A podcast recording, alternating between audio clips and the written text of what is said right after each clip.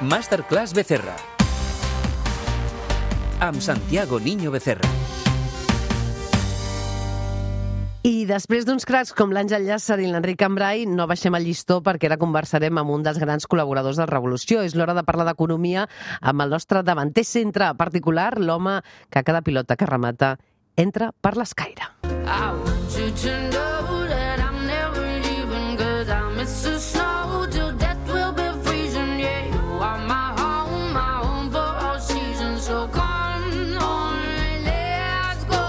Santiago Niño Becerra, bona nit, què tal, com estàs? Què tal? Bona nit, bona nit, Chantal.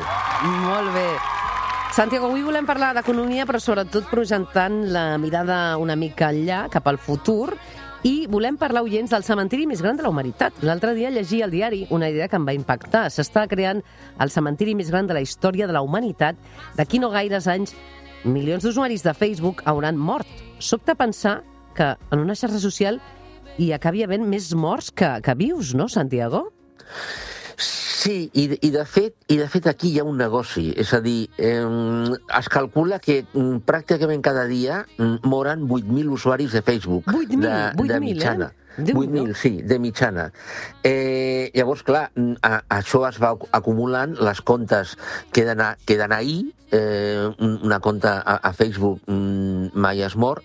Eh, llavors, eh, hi ha, ha sortit un negoci, o hi ha una idea de negoci, que és donar eh, sepultura a aquests morts, és a dir, organitzar eh, tota la recollida d'informació que hi ha sobre aquestes persones, eh, mm, donar de baixar la compta, eh, comunicar que s'ha mort, vull dir, etc etc. Eh, això, això per una banda. Eh, és a dir, que, mm, com veus, Chantal, hi ha idees de negoci o poden haver idees de negoci absolutament per tot.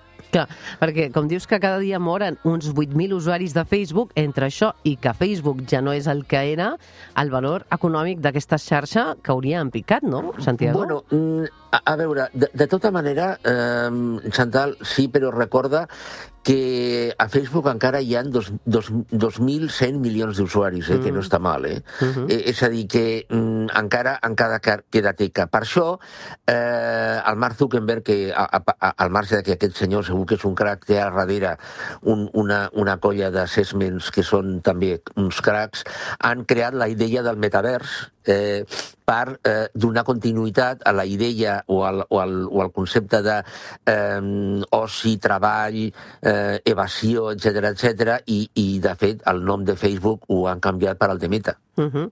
Sí, sí, perquè, clar, ens preguntem totes aquestes dades d'usuaris que ja no hi són, ja no, ja no poden ser útils, no? Per tant, com dius, està fent aquesta transformació cap a metavers. Ens preguntem avui si un negoci sense escrúpols, perquè ja ho anunciar, com deies tu, Kenber, el metavers ens canviarà la vida, però un món virtual pot generar molts conflictes, també oients. Fa unes setmanes, una usuària va denunciar que el seu avatar havia patit una agressió sexual al món virtual.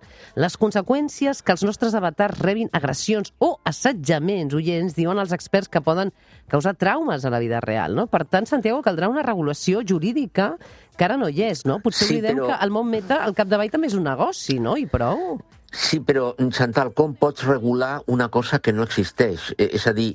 A, a Home, sí, sí que existeix el món virtual del no, metavers. No, no, a, a veure, al, al metavers, per exemple, s'estan construint edificis que mm, trenquen totes les lleis de, la, les lleis de la física, que al món real serien impossibles de construir, però que al metavers existeixen perfectament.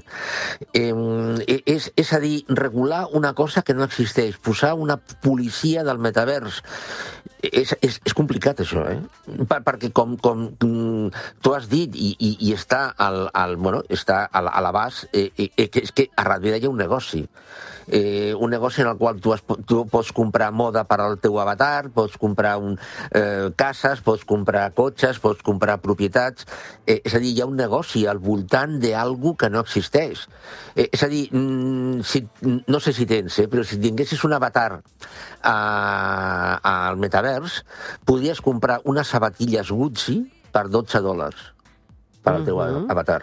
Uh Més econòmiques, eh, vols dir? Bueno, a veure, és que, és que mm, jo crec que poca gent pagaria per unes sabatilles, mm, per molt Gucci que fossin 1.500 dòlars al metavers, almenys de moment. Clar. Almenys de, almenys de moment.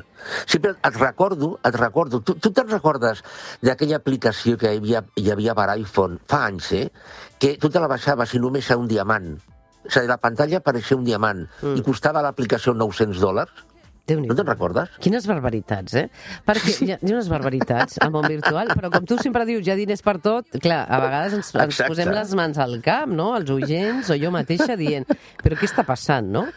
Clar, jo no sé si veurem una batalla entre interessos econòmics d'empreses del món real i d'empreses del món virtual, o ja se sabran repartir el pastís per guanyar-hi tots.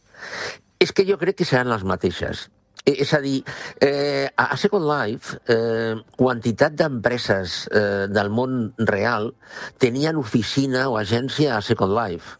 Eh, per exemple, el Banc de Santander tenia, una, tenia oficina a Second Life. Eh, jo crec que amb el metavers passarà una cosa semblant. És a dir, no, no hi haurà empreses eh, que, que només estaran al metavers, o, o, o, o pot ser sí, però hi haurà un recolzament al món real. Per, per, per exemple, perquè s'estan pagant bestieses per, eh, per segons quines... Hi ha una immobiliària, per exemple, una immobiliària del món real, eh, que ha comprat eh, una, unes parcel·les concretes del metavers i ha pagat al voltant de dos milions i mig de dòlars. Eh, clar, això només es pot fer a una empresa o algú que tingui un recolzament al món real. Eh, so- sona molt a bombolla, no?, eh, tot això. eh, però, bueno, de, de, fet, de fet és un negoci. Clar. Avui ens està quedant una secció futurista, perquè també parlarem de viatges a velocitats al·lucinants, a l'abast de Sí. tothom, qüestions de futur. Avui, mm, d'aquí uns anys, seran mm, realitat com una companyia aèria xinesa, que, atenció, està projectant pel 2030 vols comercials que, agafeu-vos, unirien Barcelona amb Nova York en només 50 minuts o amb Sydney en només una hora i mitja. Uh, realment, clar, volar i que tinguis Nova York a 50 minuts o Sydney a una hora i mitja, mm, clar, això és viable econòmicament perquè, clar, ens agrada molt aquesta notícia, però no sé si és mm, viable o els preus seran tan desorbitats que mai més ben dit, tractant-se d'uns trajectes que diuen que seran eh, fent entrar en òrbita els avions, clar, no seran a l'abast de tothom, no? Bueno, això sí, la, la, idea, la idea és fer vols suborbitals per, per, per damunt de l'atmosfera, agafant els 10.000, entre 10 i 12.000 km per hora, i llavors, clar, es poden aconseguir aquestes, aquestes velocitats i aquests, aquests temps. Eh, evidentment, això serà o per gent mega rica que vulgui, per exemple, anar a dinar a Manhattan i a la tarda estar prenent el té a Londres, per exemple, eh, o bé per eh, a alguna persona que tingui una necessitat mm, imperiosa d'estar eh, molt ràpidament a, a Nova York eh, o, o a, alguna, punt, alguna punta del món. Jo, jo vaig conèixer concretament una persona, jo la vaig conèixer, eh, una persona, un francès, un senyor francès, que eh, durant un temps va, aga- ga- agafava cada setmana el Concord per eh, arribar a Nova York abans que eh, obrissin els mercats. Déu-n'hi-do. Eh, bueno, mm, sí, li sortia a compte. Mm -hmm. És a dir, hi ha, hi, ha, hi ha persones que, evidentment, estan, es, es mouen en una altra línia, però, mm, per, per descomptat, eh, el low cost mm, ens podem oblidar del low cost amb, aquestes, amb aquest tipus d'avió, eh? Ens podem oblidar. Clar, vols low cost en avions atapeïts o, o, o a vols a 10.000 quilòmetres per hora, anem cap a un món, Santiago, cada vegada més diferències més grans segons el poder adquisitiu que tinguis, no? Això- Jo no sé si veurem més exemples d'aquest tipus, perquè la tecnologia a l'abast de, només de qui la pugui pagar, no? I Ah, i- això hi ha una cosa- no és gaire bona notícia, clar. I hi ha una cosa, Chantal, que és, que està clara. La desigualtat està augmentant mm, any rere any. Això ho diuen absolutament totes les organitzacions. Ho diu Oxfam, ho diu la ONU, ho diu el Banc Mundial, ho diu el Fons Monetari Internacional. Perdona, la desigualtat està augmentant. Mm, Això què significa? Que està havent una concentració de capital i en conseqüència està havent una concentració de riquesa. Eh, la diferència entre uns i altres està creixent. Pensem, per exemple, que ara per ara, ara, eh, la desigualtat als Estats Units està al mateix nivell que estava al 1928.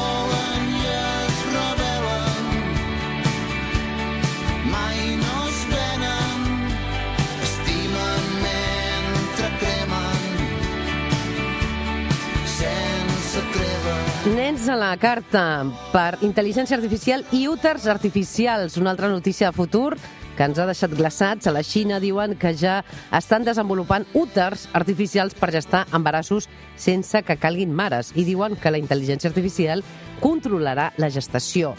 Santiago, fàbriques de, de nadons de manera industrial. Ara dèiem que sempre hi ha negoci, però tan lluny arribarem? Sí? Ens preguntem? Bueno, això, això eh, aquesta notícia, eh, Chantal, la podem llegir des de dues vessants. Vull dir, deixant de banda tot el tema que és, diguem-ne, ètica, moral, etc etc. Eh?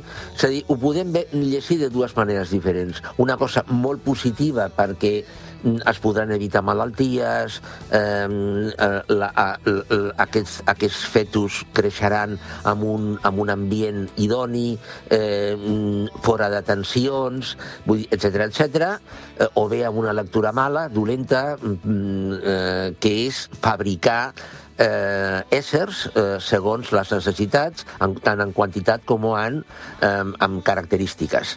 És a dir, són els famosos eh, alfas del, del Mundo Feliz del, del Dus Huxley. Mm, mm, jo, jo penso que si aquesta notícia... Jo, jo, jo vaig llegir fa, fa anys que a França ja s'estava investigant això, però, però fa anys, i, i estava, estava en un procés molt, molt, molt primigeni. Ara, ara aquesta notícia, mm, se, segons sembla, eh, les, les, eh, la recerca d'això està molt avançada. Eh, si això s'ha publicat, vol dir que en un termini de 10 anys podem tenir perfectament ja eh, els primers éssers humans fabricats amb aquesta matriu artificial. Nens i nenes triats genèticament a la carta, tornem al que dèiem abans, un món petit de megarics que tindran el que vulguin, Santiago, i un macromón de pobres malvivint al servei dels més rics, eh? Quan veiem notícies com aquesta. Mm, no, no sé què dir-te, eh, eh, Chantal, perquè aquests mega rics ja tindran eh, eh, robots, intel·ligència artificial, etc etc que treballaran per ells. És a dir, jo, jo, jo crec... Mm, eh, aquesta és una de les raons per la, per la qual jo crec que la mega ultra superpoblació del món no, no, no passarà, perquè hi haurà, hi haurà un control demogràfic.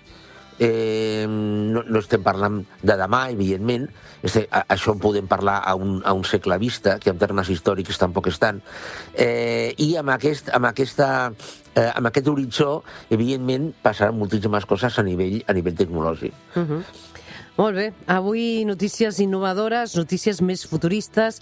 Amb Santiago Niño Becerra parlem d'economia, però també parlem de, del futur. I Santiago, un ple, com sempre, avui parlant sobretot d'aquest futur, però sempre tocant de peus a terra. Eh? Sí. Moltes gràcies. Molt bé, Chantal, gràcies a tu. Bona nit.